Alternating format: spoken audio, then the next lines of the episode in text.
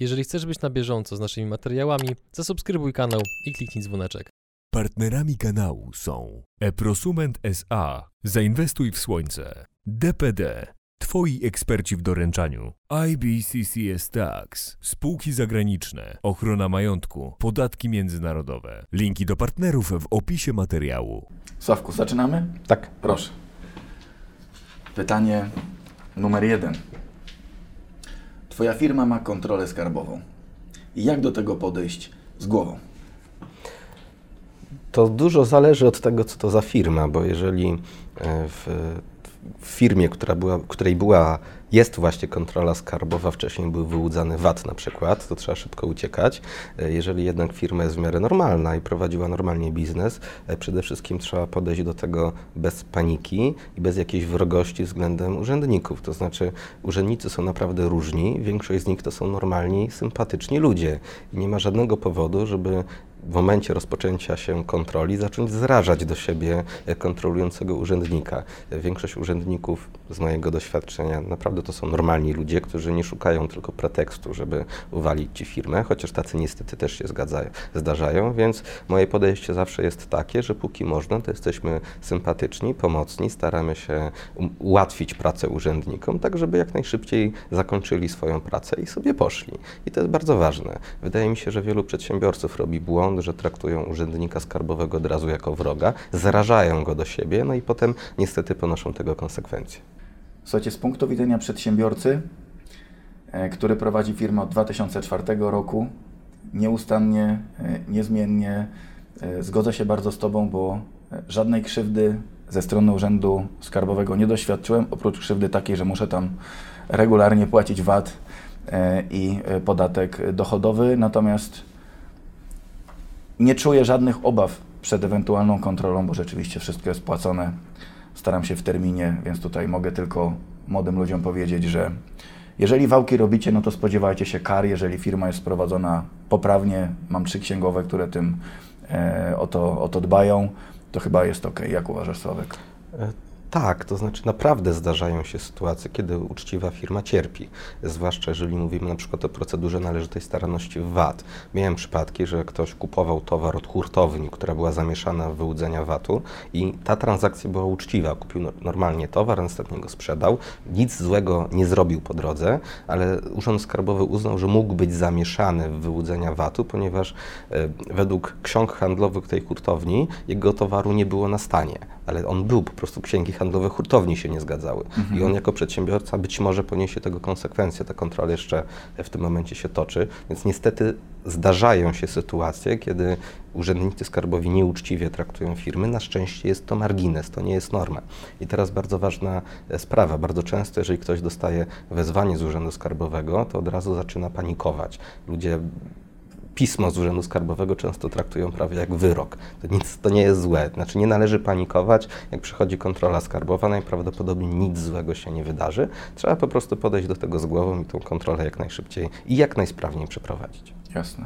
Znaczy tam są ludzie, no, na, na, na, ponieważ przez wiele e, niestety pokojów przechodziłem w Urzędzie Skarbowym, w drugim Urzędzie Skarbowym na Bołtach w Łodzi, to mogę wręcz powiedzieć, że można mieć pretensje do organu samego w sobie czy systemu podatkowego, ale nie do ludzi. Tam też są telefony, są pisma, wręcz starają się pomóc, a w pierwszej kolejności ściągnąć od nas pieniądze. Jeżeli to, to uda im się zrobić, to, to nie bałbym się kontroli. No tak od strony e, zwykłego przedsiębiorcy. Pytanie numer dwa. Twoja kolej? Tak.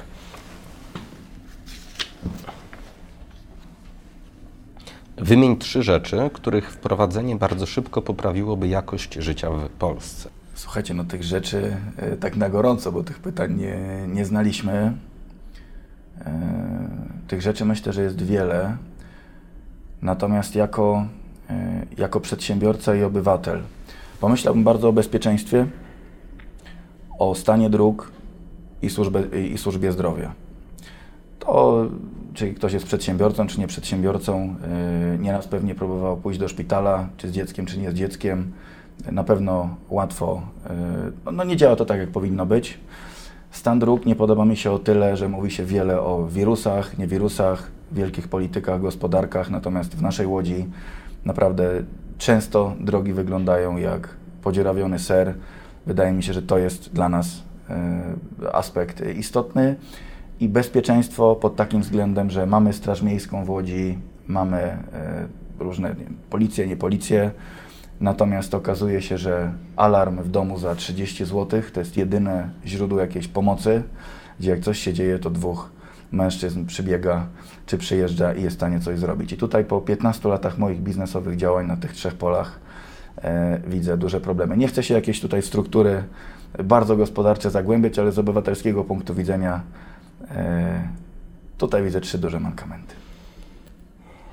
Sławek? Pierwsza rzecz, system ochrony zdrowia obecnie nie działa, a już pomijając całą sprawę związaną z epidemią koronawirusa, która trwa właśnie, kiedy rozmawiamy dzisiaj, y, ten system jest całkowicie źle skonstruowany, ponieważ no, na normalnym rynku mamy popyt i podaż i one jakoś się regulują i pojawia się cena rynkowa. Y, w polskim systemie ochrony zdrowia podaż jest mocno ograniczona, a popyt w wyniku tego, że cena jest zerowa, jest zawyżony, w związku z czym pojawiają się braki. I tak zawsze musi być i tak zawsze będzie, jeżeli mamy e, darmowe, znaczy jeżeli nie mamy ceny usługi. E, z drugiej strony nie jesteśmy w stanie całkowicie w tym momencie urynkowić e, systemu ochrony zdrowia, tego się nie da zrobić, w związku z czym trzeba zrobić cokolwiek, żeby ten popyt ograniczyć, tak żeby ludzie mogli dostać się do lekarza. Bo już teraz mamy kolejki do lekarzy specjalistów często wieloletnie, i ten problem będzie się tylko pogłębiał. Średnia wieku lekarza specjalisty w Polsce to już powyżej 55 lat. Gdyby teraz nawet każdy student e, i później absolwent Akademii Medycznej zrobił specjalizację, to i tak liczba lekarzy specjalistów w Polsce spadnie. Jednocześnie średni wiek e, w Polsce rośnie, a najwięcej problemów ze zdrowiem mamy, kiedy jesteśmy w wieku coraz starszym. W związku z czym popyt na usługi medyczne w Polsce będzie rósł, a podaż tych usług będzie malała, więc problemy będą tylko większe. Jedyne, co możemy w tym momencie zrobić, to trochę ten popyt ograniczyć. Są tu sprawdzone rozwiązania, chociażby to, co wprowadzono w Czechach, czyli mikropłatności. Tam wprowadzono drobne odpłatności za wizytę u lekarza, rzędu 5, 10, 15 zł. I wystarczyło wprowadzić 5 zł za wizytę u lekarza, żeby nagle kolejki się zmniejszyły, ponieważ osoby, które często idą do lekarza zupełnie bez powodu, blokują miejsce tym, którzy tej pomocy naprawdę potrzebują. E, zdarza się w Polsce, że ludzie odprowadzają swoich dziadków do szpitala, ponieważ chcą jechać gdzieś na wakacje i dzięki temu mają darmową opiekę dla starszych ludzi, co blokuje dostęp do szpitali ludziom e, naprawdę chorym, więc trzeba jakieś elementy rynkowości wprowadzić do systemu ochrony zdrowia, żebyśmy sobie tych miejsc nie blokowali. No, kolejna sprawa to ludzie bardzo często, podobno około 20-30% wizyt się nie, od, się nie odbywa, ponieważ ktoś dostaje termin za dwa lata albo nawet za rok. W międzyczasie może umrzeć, wyzdrowieć, wyjechać za granicę, zapomnieć o tym problemie i lekarz czeka na pacjenta, a nie ma pacjenta. To też powinno być jakoś egzekwowane. Można wprowadzić jakieś call center, którzy na dzień czy na dwa przed wizytą będą próbowali skontaktować się z pacjentem i potwierdzić taką wizytę. Przecież jeżeli idę do dentysty czy jadę z samochodem do mechanika, to dostaję dzień wcześniej SMS-a z prośbą o potwierdzenie. Czemu tego nie ma u lekarzy specjalistów? Nie wiem. Są to takie drobne rzeczy, które umożliwiają umożliwiłyby nam większy, e, większą dostępność lekarzy. To jest rzecz, która uważam, że bardzo nam pomoże, jeżeli chodzi o system ochrony zdrowia. E, druga rzecz, która pytanie, co to znaczy, że poprawiłaby jakość życia w Polsce, to ta jakość życia to jest bardzo niezdefiniowana sprawa i jest wiele to może że, komfort. Że komfort. E, to z całą pewnością zwiększenie możliwe, zwiększenie liczby procedur e, w naszych kontaktach z administracją, które można, które można załatwić przez internet. Chodzi o to, żebyśmy nie wymieniali tego papieru cały czas z biurokracją. Mnie strasznie denerwuje, kiedy dostaję awizo i muszę iść na pocztę, stać w kolejce, marnować pół godziny, żeby odebrać jakieś pismo, które często w ogóle mi jest do niczego niepotrzebne. Uważam, że jak najszybciej powinniśmy przejść na inny system doręczeń, tak żeby można było każdemu list doręczyć drogą elektroniczną, mhm. żebyśmy zapomnieli o tym papierze, nie marnowali na to drzew i nie marnowali potem, potem czasu w kolejce na poczcie. E, myślę, że to mocno poprawiłoby e, naszą jakość i też komfort życia. I trzecia rzecz. Hmm. A co sądzisz o bezpieczeństwie? Bo ja tak człowiek trochę wychowany na podwórku, e, trochę w małym biznesie, e, często byłem świadkiem takich sytuacji, że jak jest poważny problem, to policja, chociażby jakaś bójka na ulicy, to policja nas omija. Kiedy babcia sprzedaje jakaś sznurówki na ulicy, to jest dwóch wielkich strażników. Kiedy e, robiłem firmę językową, trzech czy czterech funkcjonariuszy wparadowało do biura z mandatem, że blokujemy transport publiczny, pieszy, bo dziewczyna rozdawała ulotki e, właśnie e, przed naszą szkołą. Natomiast wiele razy byłem świadkiem włamań, wypadków, problemów, często z udziałem moich dzieciaków gdzieś tam na kolizji drogowych, gdzie na policję czekaliśmy 3 godziny, a w końcu nie przyjechała w ogóle. Powiedz, czy my jako obywatele, bo ja to mówię jako rozgoryczony przedsiębiorca, który płaci, jako mały przedsiębiorca, kilkaset tysięcy złotych podatku VAT, kilkaset tysięcy nierzadko podatku dochodowego, dziesiątki tysięcy złotych podatku od nieruchomości tylko za to, że jestem ich właścicielem. E, do eksperta w tej dziedzinie pytam, na co, e, za co ja tak naprawdę e, płacę w tej kwestii. A mówię, jedyną moją pomocą realną jest firma ochroniarska za 39 zł miesięcznie, gdzie chociaż przyjadą. Moja pierwsza firma to był kantor wymiany walut. Wszystkie oszczędności, jakie miałem, zainwestowałem w to i po dwóch, trzech miesiącach działalności zostałem e, okradziony na 10 tysięcy złotych mniej więcej. E, zadzwoniłem oczywiście na policję. Policja przyjechała bardzo niechętnie po wielu godzinach. E, sprawdzili, jak wygląda kantor, zabrali mnie na komisariat, gdzie mnie przesłuchiwali i ewidentnie przesłuchiwali mnie w kierunku tego, żeby wykazać, że ja sam się okradłem, że według nich do żadnego zdarzenia nie doszło. Tłumaczyłem panu policjantowi, że nawet nie jestem ubezpieczony, w związku z czym jakieś próba udania tego, że jestem sam się napadłem jest bez sensu, bo nic mi na tym nie skorzystał. E, ale pana policjanta w żaden sposób to nie przekonywało. Próbowałem sobie potem zrobić pozwolenie na broń do ochrony osobistej, ponieważ w kantorze jest sporo pieniędzy. No, oglądałem się filmów na internecie, jak to wpada gość z siekierą albo z maczetą i zabiera e, kasjerowi dużo pieniędzy. Zresztą często kursowałem pomiędzy bankiem i kantorem, żeby wymieniać złotówki na waluty i odwrotnie i czułem się po prostu zagrożony. Uznałem, że tej broni po prostu potrzebuję. I niestety nie udało mi się uzyskać pozwolenia na broń. Policja mi odmówiła, argumentując to tym, że kantor to jest biznes taki jak każdy inny i gdyby dali mi pozwolenie na broń, to powinni dać potem każdemu innemu przedsiębiorcy, ponieważ każdy przedsiębiorca może mieć do czynienia z gotówką. W związku z czym nie mogłem bronić się przed ewentualną napością, do której na szczęście e, nie doszło. No, ale to nie jest mój koniec e, moich przygód z policją czy też z bronią, ponieważ moją drugą firmą był sklep z bronią. No i to jest w ogóle ciekawa sprawa. Pewnie nie wiesz, bo Tam nie chyba cię już nikt nie napadnie z maczetą, jak masz No właśnie, to nie jest 300 takie pistoletów. proste, bo jeżeli to, że masz pistolety to, i karabiny u siebie w sklepie, to raczej zwiększa prawdopodobieństwo napadu, bo jeżeli ktoś chce uzyskać taką broń nielegalnie, to kradzież jest dobrą metodą yy, na wejście w posiadanie broni. No więc yy, w ogóle to jest ciekawa sprawa, pewnie nie wiesz, bo nie działałeś w tej branży, jakie formalności trzeba spełnić, żeby móc założyć zwyczajny sklep bronią. Nie mówię o jakiejś wielkiej hurtowni, to był sklep pod kątem myśliwskim, czyli tam były jakieś strzelby, takie, które raczej nie mają wielkiego zastosowania bojowego na co dzień. No i żeby otworzyć ten sklep z bronią, musiałem przede wszystkim najpierw wynająć już lokal, ponieważ koncesja jest na adres i na osobę, czyli na firmę. Czyli najpierw już trzeba mieć wynajęty, dostosowany lokal, a dopiero potem można starać się e, o uzyskanie koncesji. Proces trwa kilka miesięcy, więc pierwszą rzeczą, którą musiałem zrobić, jest wynajęcie drugiego lokalu i trzymywanie go przez kilka miesięcy, kiedy nie działał, był całkowicie pusty, co generowało jakieś istotne koszty. Następnie musiałem mieć zgodę od e, szefa służby kontrwywiadu wojskowego, szefa ABW, ministra gospodarki, ministra spraw wewnętrznych, komendanta wojewódzkiego policji, powiatowego y, komendanta straży pożarnej, z sanepidu, od kominiarza. Musiałem mieć certyfikat grubości drzwi, papier z Wojskowego Instytutu Techniki Uzbrojenia. Y, Chyba coś, zaświadczenie pistolet? psycho... Sławku? Słucham? Czy sprzedałeś jakiś pistolet? Czy tylko zaświadczenie? Czy biznes polega na tym, że... Nie, na razie jestem na etapie zaświadczeń. Jeszcze musiałem mieć papier od psychologa, od psychiatry. Y, Policja przychodziła do mnie, przepytywała moich sąsiadów, czy ze mną jest wszystko w porządku. Mnie się pytali, czemu otwieram sklep. No to powiedziałem panu policjantowi, że po to, żeby na nim zarabiać. Policjant był bardzo zdziwiony, że po to otwieram sklep, żeby, po nim, żeby na nim zarabiać. Podejrzewam, że na pewno z jakiegoś innego powodu ten sklep otwierałem. Y, No i cała ta procedura kosztowała mnie kilkadziesiąt tysięcy złotych i trwało to kilka miesięcy. To ile to trzeba tych karabinów I sprzedać? teraz co ciekawe, miałem wtedy sklep, miałem tam mnóstwo w środku kałachów, strzelb, pistoletów, rewolwerów, wszystko. I myślę, no teraz to już mi chyba dadzą pozwolenie na broń, chociażby mojemu pracownikowi, no bo y, skoro okazałem się tak godny zaufania dla państwa, żeby y, mi pozwolili mieć koncesję na handel bronią, więc kupowanie karabinów, tego typu rzeczy, no to ja czy moi pracownicy powinniśmy mieć prawo do posiadania broni do ochrony osobistej, chociażby po to, żeby te, bronić się przed ewentualną napaścią. I co wtedy odpowiedziała nam policja? Że w żadnym wypadku, jeżeli boimy się napadu, powinniśmy zainstalować rolety antywłamaniowe. Już sobie to wyobrażam. Jestem w sklepie, wpada bandzior, ja mówię, stop, tam są rolety antywłamaniowe, nie możesz mnie okraść. Ale niestety taki był e, sposób myślenia policji. Więc jeżeli chodzi o to, czym policja zajmuje, a czym się powinna zajmować, to tu jestem bardzo niezadowolony z tego, jak to wygląda.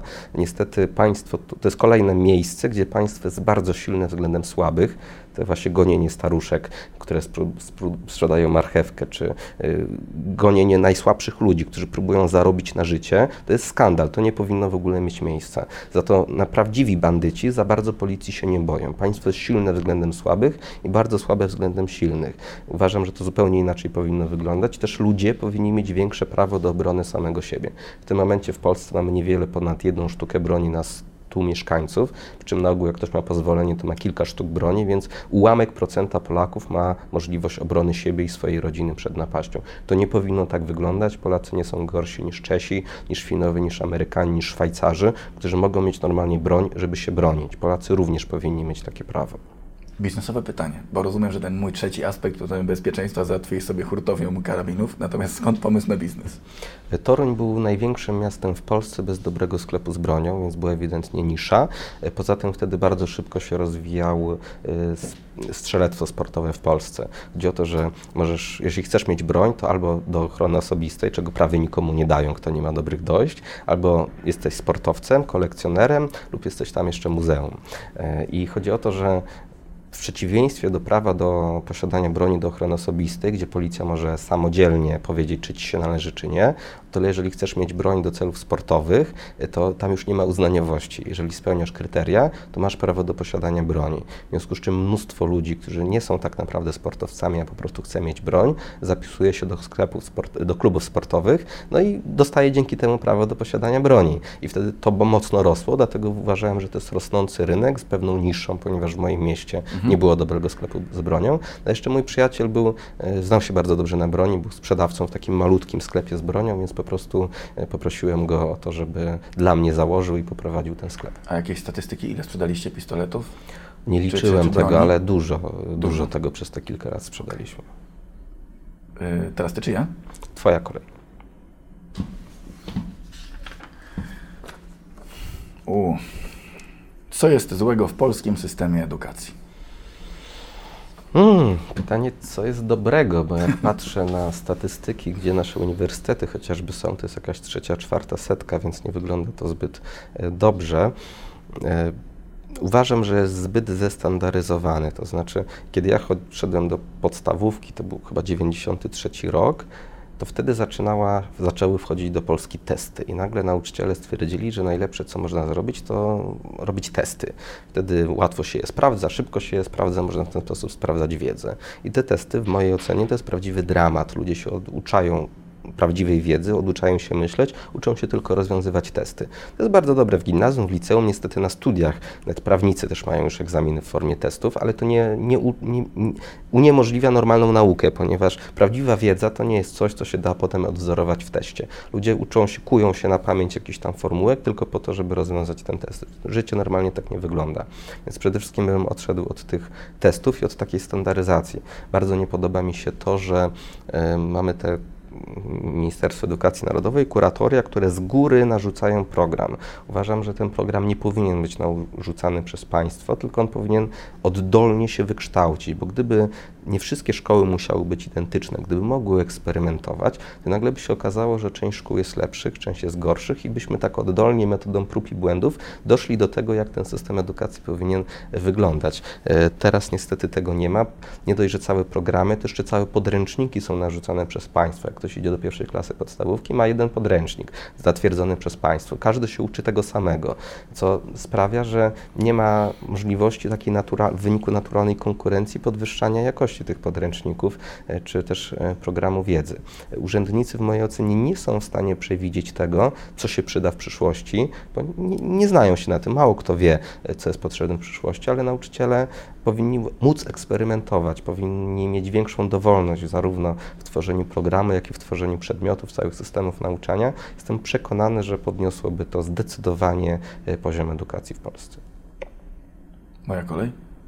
Słuchajcie, ja w tym pytaniu widzę od razu negatywne jakieś konotacje związane z polską szkołą i chciałbym powiedzieć, że mamy fantastycznych nauczycieli.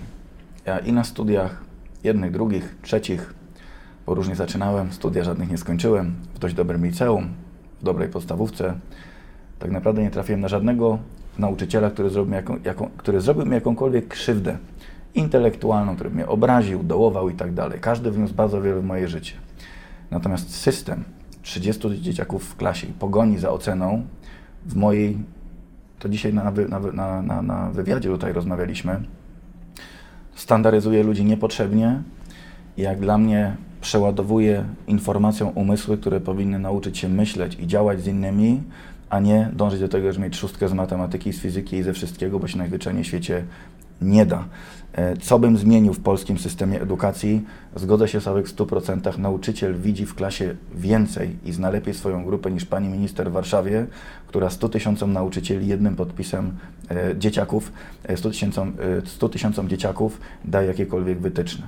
Nie uczy się nas, czy nie wyciąga się indywidualnych jakichś możliwości, ani nie kształci jakiegoś talentu e, e, w dzieciach. Mam teraz, słuchajcie, córkę w drugiej klasie, która ma trzy języki obce w drugiej klasie szkoły podstawowej, a nie potrafi napisać cyferek do dziesięciu, chyba tylko po polsku e, byłaby w stanie. Czyli co z tego, że przerabiamy cztery podręczniki, jeżeli nie potrafimy zbu- zbudować zdania. To samo działo się, kiedy uczyłem angielskiego jako korepetytor paręnaście lat temu. Bogate domy, dzieciaki, które miały wszystkie skończone kursy, nie potrafiły na, napisać ani powiedzieć prostego zdania. Czyli system jest przerośnięty, ale efektywność jest słaba. Jeśli chodzi o e, studia te moje ekonomiczne, bo udało mi się do, na dość dobre studia dzienne dostać, niestety po pół roku zrezygnowałem, bo uczą tam ludzie, którzy nie prowadzili niestety firmy. Czyli rozbudowany aparat e, edukacyjny, rektorzy, dziekani, wielu profesorów, natomiast no, jest to wiedza odgrzewana sprzed w ogóle chyba już nie tego systemu, który jest dzisiaj. Podobno to się zmienia, natomiast nastawienie na wynik, a nie na jakiekolwiek umiejętności. Tylko nie wiem, czy, czy można by e, w tak dużej strukturze, jaką jest państwo, poluzować te cugle, ale e, tak bym zrobił, żeby tak jak w przypadku na przykład mojej branży szkoleniowej, najlepszą formą edukacji dla ludzi jest networking, czyli współdziałanie, rozmowa, e, przekazywanie doświadczenia, a nie rozwiązywanie testów, e, jaka jest najlepsza droga do sukcesu. Także stać mnie na to, żeby tak powiedzieć, aczkolwiek nie wiem, czy jest to realne e, w tej infrastrukturze do zmian. Nie się, się zgadzamy mniej więcej. Tak, bardzo. To powinno wyglądać. Temat, który już trochę omówiliśmy. Czy jesteś za prywatyzacją służby zdrowia? Wiecie co, ja jako przedsiębiorca na pewno tak, tylko to jest bardzo krzywdząca, krzywdząca odpowiedź i nie wyobrażam sobie, żeby ludzie, którzy nie mieli pieniędzy, nie, nie mogli, czy mieli mniej e, środków, e, nie mieli dostępu do lekarza, ale Twoje rozwiązanie sprzed kilku pytań jest chyba, chyba okej. No, nie chcę mówić tutaj o starych babciach, które przesiadują w szpitalach, bo to jest ich prawo, żeby tam siedzieć, tylko jest kupa ludzi, która potrzebuje e, e, pomocy najzwyklejszej. Znowu wrócę do mojego przypadku, gdzie dzieciak się wywalił na, na podłodze w domu, było podejrzenie złamania ręki. Idziesz do szpitala i czekasz 3 godziny czasu bez numerków w kolejce, w duchocie z płaczącymi dziećmi, a trzy panie w rejestracji nie wiedzą tak naprawdę, kto, kto jest który w miejscu masz czekać i jakiekolwiek ustandaryzowanie tego wydawało mi się ok. Natomiast prywatyzacja chyba nie, bo temat bezpieczeństwa drogi, jakiegoś dostępu do, do parku powinien być, powinien być dla wszystkich. No po to płacimy, po to płacimy e, podatki. Mało tego a propos tego pytania, i tak większość ludzi płaci za dentystę, płaci za masażystę, za fizjoterapeutę. Coraz więcej operacji jest wykonywanych za nasze pieniądze, więc służba zdrowia jest już bardzo sprywatyzowana i kto ma pieniądze sobie poradzi.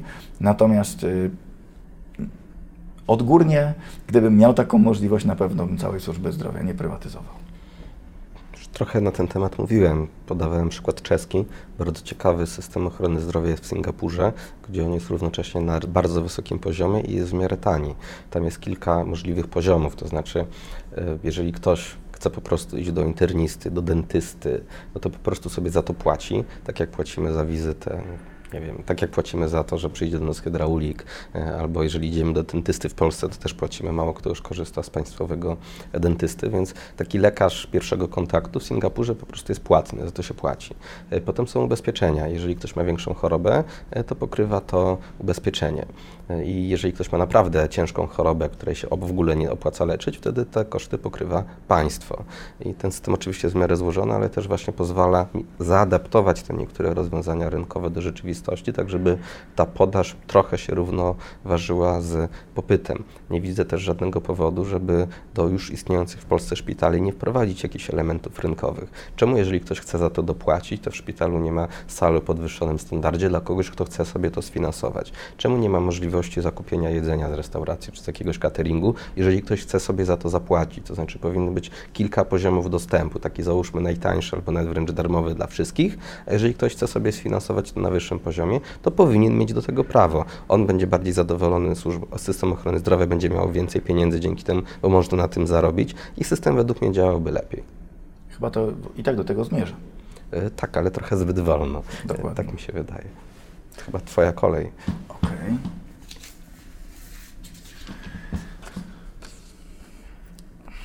Czy jesteś, dla podatkiem, e, czy jesteś za podatkiem katastralnym? O, mordercze pytanie. E, Jeżeli powiem, że popieram podatek katastralny, zaraz w komentarzach będę miał informację, że jestem wrogiem polskich rodzin. To ja już napi- ja pierwszy komentarz napiszę. Właściciele nieruchomości nigdy nie będą popierali podatku katastralnego. W mojej ocenie, jako załóżmy od strony czysto teoretycznej, od teorii podatków, a nie od praktyki i nie o Polsce 20, 2020 roku, uważam, że podatek katastralny jest sprawiedliwszy niż podatek od nieruchomości naliczany od powierzchni. Bo teraz jest tak, że właściciel biurowca w centrum Warszawy od każdego metra płaci taki sam podatek, jak e, właścicielka warzywniaka na rubieżach Warszawy. To nie wydaje mi się sprawiedliwe. Uważam, że ten metr Warszawy, nieruchomości w centrum Warszawy, no można od tego pobierać wyższy podatek niż od właśnie tego warzywniaka na obrzeżach. Więc uzależnienie jakiegoś podatku od nieruchomości, od wartości tej nieruchomości, co do zasady nie wydaje mi się takim złym rozwiązaniem. Oczywiście nie powinno to być jako do dołożenie podatków do obecnie istniejących podatków, tylko zamian jakiegoś podatku, na przykład podatku dochodowego. Wiadomo, że dochód z nieruchomości i tak jest zależny wprost od wartości tej nieruchomości, czyli czy my to będziemy pobierali w ten sposób, że liczymy wszystkie dochody, koszty e, i wtedy procent z tego, czy po prostu według jakiejś tabelki od wartości nieruchomości, może wyjść na to samo, a byłoby prostsze. Tylko problem jest taki, że obecnie, jeżeli ktoś mówi o podatku katastralnym, to jako dodatkowym podatku po to, żeby zwiększyć obciążenia, a nie zastąpić jeden podatek drugim. Więc gdyby miało to na przykład zastąpić podatek od nieruchomości, i podatek dochodowy i być na niskim poziomie, to co do zasady nie byłby to zły podatek. E, Ale gdyby miał być dodatkowym podatkiem, byłaby to tragedia. I słyszałem o pomysłach, bo spotykam w swojej pracy zawodowej wielu właścicieli nieruchomości. Oni bardzo boją się, zupełnie słusznie, podatku katastralnego. Do niedawna jeszcze im mówiłem, że nie mają się co bać, że nikt tego nie wprowadzi, ponieważ byłby zbyt duży opór społeczny. W Polsce bardzo dużo ludzi mieszka we własnych mieszkaniach.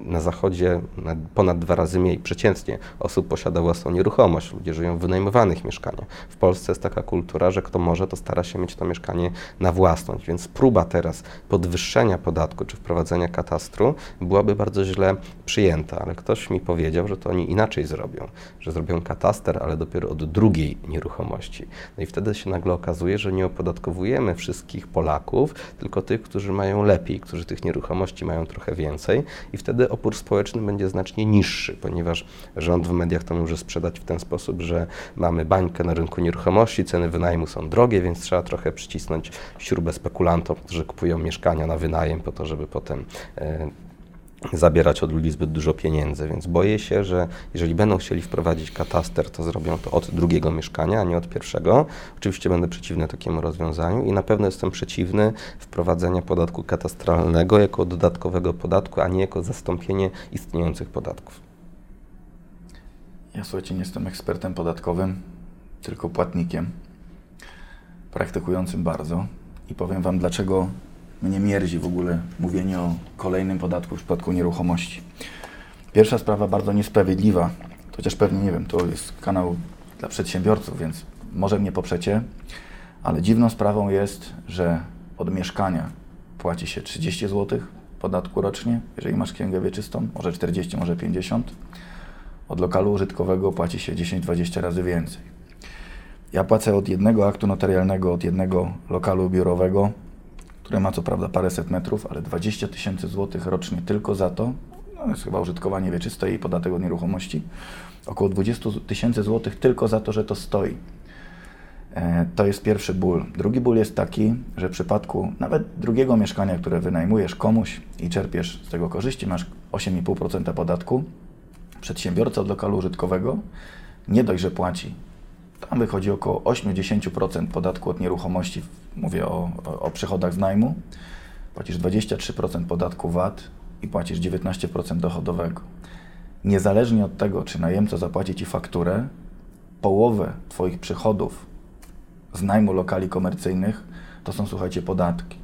Ja nie rozumiem w ogóle koncepcji, żeby przedsiębiorca jeszcze płacił dodatkowe parę procent kary, to już będzie piąty szczebel, nie mówię o ogrzewaniu, nie mówię o prądzie, gdzie tam też są, to są pośrednie podatki, tego nie zarabia pan Kowalski sąsiad, tylko idzie to przez spółki Skarbu Państwa, ale tych opłat jest tak wiele, nie mówiąc jeszcze o ratach kredytowych, które za, za coś trzeba to, to sfinansować, to będzie, yy, znaczy to przetrwają korporacje, ale to, co powiedziałeś, no drobni, drobni inwestorzy będą się wykruszali. Nie bałbym się nawet wszystkich tych podatków w oparciu o mieszkania, ale lokale komercyjne ucierpią.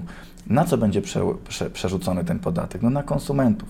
Paradoksalnie znowu ludzie będą bić brawo, ta większość, która nie ma lokalu komercyjnego, natomiast przedsiębiorca nie zrobi nic innego, jak podwyższy cenę. E, U nas dzieje się tak, jak prąd idzie do góry, to ja podwyższam każdemu o 50-100 zł za każdy gabinet biurowy opłatę. Ten ktoś, znowu finalnym klientom, tam są różne e, biura dietetyczne, jakieś e, psychologiczne, różnego rodzaju e, usługi i, i towary, którym handlują moimi najemcy, którymi handlują moi, moi najemcy, ale proszę pamiętajcie, że tak naprawdę konsumenci, czyli ta grupa, która często najgłośniej klaszcze, dostaje później po tyłku przez tego typu pomysły. E, Zgadzam się z Tobą, że jest taka grupa ludzi, w sumie jak ja, że mi to niewiele zmieni. Jak już inwestor trochę zainwestował, trochę ma, e, mi 3% podatku nic nie zmieni, kolejny, już przedsiębiorcy się nie dobije po jakimś czasie, bo i tak sobie zawsze poradzi, ale jest to duży hamulec dla młodych ludzi, którzy chcą w tej kwestii cokolwiek zrobić, czy kupując dom dla siebie, czy, czy, czy kupując pierwszy lokal e, pod wynajem, czyli zamiast zachęcać do jakiejś przedsiębiorczości i inwestowania, bo nieruchomość jest formą przytrzymywania kapitału. Znowu zmusi się ludzi do wydania pieniędzy na pierdoły, zamiast skumulować jakiś majątek rodzinny. E, Ja jestem na nie. Żeby nie było wątpliwości, mówiłem wyraźnie, że również jestem na nie, jeżeli już teoretycznie jako zastąpienie podatku od nieruchomości podatku dochodowego. Wtedy to mogłoby mieć sens, ale współcześnie w Polsce w roku 2020 e, absolutnie nie. To oczywiście, znaczy nikt nie, nie wierzy, że ktoś, e, nie wiem, zrezygnuje e, z podatku od nieruchomości na rzecz 2% od, od właśnie katastralnego. Także bądźmy na nie. Czy składki emerytalne powinny być dobrowolne dla przedsiębiorców? Myślę, że są. E, Ten ZUS, y, półtora tysiąca chyba teraz kosztuje ZUS, bo nie sprawdzałem tego od wielu lat. To żona i księgowa robi. Płacę najniższy. Jest w jakiś sposób dobrowolne, bo, bo, bo przy zarobkach y, właściciela małego nawet biznesu te półtora tysiąca złotych nic nie zmienia. Natomiast ja uważam, że ZUS jest niczym innym jak znowu kolejnym podatkiem. Nie boli mnie ta składka półtora tysiąca złotych, tylko boli mnie to, że nic z tego nie będę miał. Chętnie bym zapłacił 5 tysięcy złotych składki, wiedząc, że karetka będzie u mnie w ciągu 5 minut, wiedząc, że jak dziecko złamie nogę, to dostanę numerek do okienka i, i, i założony gips. Chciałbym również wiedzieć, że te pieniądze nie są bieżąco, na bieżąco przejadane, tylko ktoś w przyszłości płaconych przez 40 lat, półtora tysiąca miesięcznie da mi na przykład miesięcznie 3 przez 10-20 lat jakiejś tam mojej starości. Więc y, myślę, że błąd jest systemowy. Co do koncepcji, lepiej cokolwiek odkładać niż nic. Natomiast y, myślę, że my jako dzisiejsi 30-40-latkowie nie mamy żadnej gwarancji, że te pieniądze do nas wrócą. Nie mam wiedzy na ten temat, co się z tym y, w ZUS-ie dzieje, Natomiast y, myślę, że dla właścicieli firm nie jest bolączką nawet ich składka y, ZUS-owska, emerytalna, czy zdrowotna, czy jakakolwiek, tylko chodzi o, o pierwszych pracowników. Zapłacenie ZUS-u piątce, dziesiątce, dwudziestce ludzi na początku swojego biznesu to jest, słuchajcie, gwóźdź do trumny. To jest, to jest jeden z poważniejszych kosztów.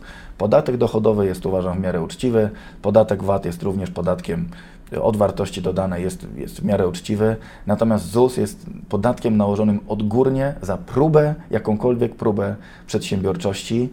Na pewno nie jestem na nie, natomiast wydaje mi się, że składka zdrowotna w zupełności by wystarczyła i podpis, podpisanie cyrografu, że tą składkę emerytalną człowiek odprowadza sobie tak jak chce.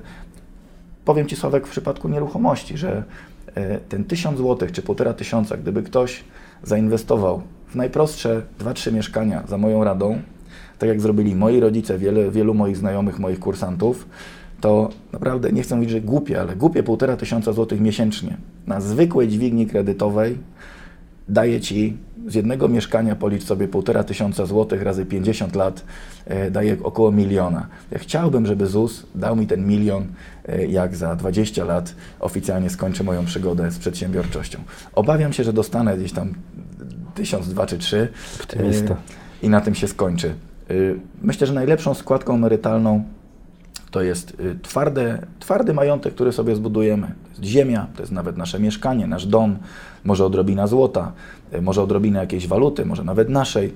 Y, Natomiast ja traktuję składki ZUS-owskie jak niezbędną konieczność, karę, którą muszę ponieść, żeby prowadzić firmę w bardzo y, okrojonym składzie. Uważam, że dla młodych ludzi jest to wielki hamulec i wielka obawa e, w ogóle do założenia jakiejkolwiek e, działalności, a dla przedsiębiorców jest to wielki hamulec, żeby zatrudniać pracowników. Bo okazuje się, że pracownik, który ma dostać 3000 zł na rękę, koszt- kosztuje nas 5-6, nie mówiąc o sprzęcie, infrastrukturze, samochodzie, jakichś, tak błęd, jakichś błędach, więc y, nic, nic innego nie mogę o tych składkach powiedzieć. Jak, jak, jak źle. Bardzo ciekawe pytanie. O, uogólnię je najpierw. Czy w ogóle składki dla ludzi powinny być dobrowolne? No i tu niestety odpowiedź nie jest oczywista. Pierwsza rzecz, nie możemy po prostu zlikwidować składek na ubezpieczenie społeczne wszystkich ludzi, bo będzie nam brakowało rocznie około 200 miliardów złotych na wypłatę dla obecnych emerytur. E, ci ludzie płacili całe życie składki, mają teraz emerytury i trzeba im je wypłacić. Pytanie z czego? No, ze składek z obecnego pokolenia. W tym momencie innej e, drogi nie ma. I teraz co by się stało, już pomijając to, że nie mamy pieniędzy na wypłaty dla obecnych emerytur, gdybyśmy w ogóle wszystkich ludzi zwolnili z obowiązku płacenia składek emerytalnych. Ci ludzie niestety by sobie nie oszczędzali. Czym podpieram to zdanie? Pierwsza rzecz, zdarzyło się coś takiego w Chile. W Chile w latach 80. za Pinocheta doszło do reformy systemu emerytalnego. Wprowadzono system ubezpieczeń prywatnych, ale obowiązkowych, takie OFE. I efekt był taki, że Chilijczycy jak tylko mogli, to unikali płacenia tych składek. Jakieś umowy o dzieło, zlecenie, wszystko po to, żeby tych składek zapłacić jak najmniej. To się zaczęło w latach 80. Niedłu- niedawno te osoby zaczęły przechodzić na emerytury i się okazało, że bardzo mało sobie zaoszczędzili, a dodatkowo nie robili żadnych innych oszczędności. Teraz mają bardzo, bardzo niskie emerytury. Więc w Chile teraz są protesty na ulicach i ludzie w Chile domagają się ZUS-u. Ten szwarc charakter polski ZUS jest czymś, o co, czego domagają się teraz e, Chilijczycy, wychodzą na ulicach, protestują, my chcemy ZUS-u. Więc gdyby w tylko przypomnę, to jest dla przedsiębiorców. Wiem, dlatego zacząłem od tego, że e, uogólnię najpierw to pytanie, bo wiele osób zastanawia właśnie e, ten temat. Więc gdyby całkowicie zlikwidować te składki obowiązkowe co do zasady dla ludzi, to oni by sobie nie oszczędzili. E, Podobnie mamy w Polsce. E, Jest mnóstwo ludzi, którzy pracują na umowie zleceni czy umowie o dzieło i również nie oszczędzają dodatkowych pieniędzy na emeryturę. I za jakiś czas będzie problem. Gdybyśmy teraz wszystkich ludzi zwolnili z płacenia tych składek, to za 30-40 lat oni by przeszli na emeryturę, dowiedzieliby się, że nie mają za co żyć, wyszliby na ulicę, zaczęli protestować, a następnie w wyborach przegłosowaliby wszystkich innych i tak by te emerytury e, dostali. Bo mamy system demokratyczny, większość ma rację, więc większość przegłosuje mniejszość, a piramida wieku ludności w Polsce tak wygląda, że niedługo ludzi starszych będzie znacznie więcej niż ludzi młodszych i po prostu demokratycznie te emerytury i tak sobie przyznają. Więc jeżeli chodzi o zwolnienie z składek szerokich mas ludzi, to to się skończy tragicznie, niestety. Ludzie odzwyczaili się od takiej myśli, którą mieli przez wieki, że trzeba się przygotować na swoją starość. Teraz ludzie o tym w ogóle nie myślą. Młodzi ludzie nie zdają sobie sprawy z tego, że będą kiedyś starzy. Nie wierzą w to. Wydaje im się to nieprawdopodobne. Mimo, że jeżeli będą mieli szczęście i dożyją, to kiedyś starzy po prostu będą. I teraz zawęźmy tą sprawę tylko dla samych przedsiębiorców. Czy przedsiębiorca w swoim życiu zachowuje się podobnie jak nieprzedsiębiorca?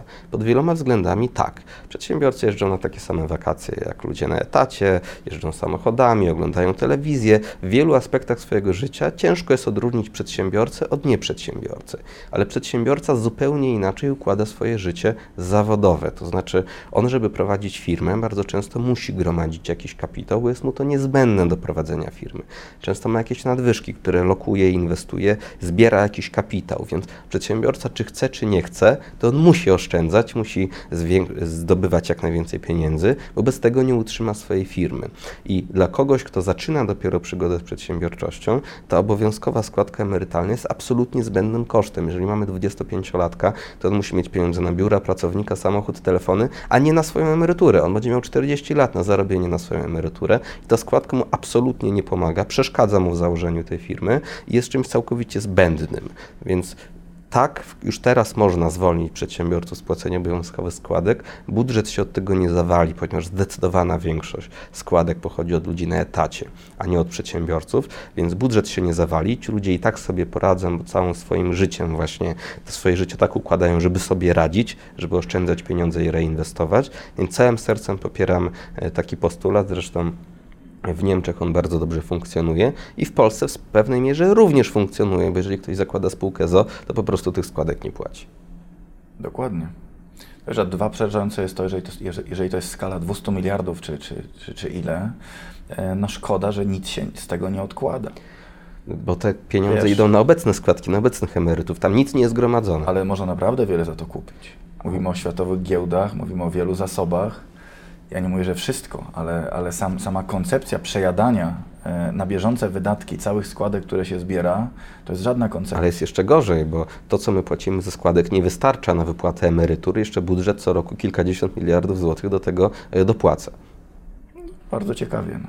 Wiecie, łatwo się o tym mówi, zresztą pewnie e, teoretykom, profesorom, nie wiem, tam włodarzom tego ZUS-u łatwo się mówi, natomiast my przedsiębiorcy nominalne pieniądze musimy zarobić i często to jest lwia część zysku, jakiejkolwiek marży przeznaczona e, na te składki z wizją tego, co będzie za 40 lat, kiedy dla, dla przedsiębiorcy e, przyszłością jest często kolejny kwartał.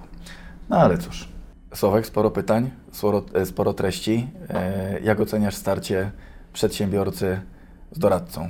Podatkowym. Czy nie traktuję tego jako starcie, zwłaszcza, że sam również jestem e, przedsiębiorcą. Bardzo e, miło mi się z Tobą rozmawiało. Pierwszy raz mieliśmy okazję się spotkać, wcześniej znałem Cię tylko z YouTube'a. Ja Ciebie e, też. Bardzo ceniłem zresztą Twoje nagrania, wszystkim polecam, więc bardzo mi się nasza rozmowa podobała. Myślę, że wiele płaszczyzn i mniej, mniej zgrzytów, a wiele płaszczyzn wspólnych. Tak, myślę, że na wiele spraw mamy bardzo podobne spojrzenie. Super. Pozdrawiamy serdecznie. Dziękujemy.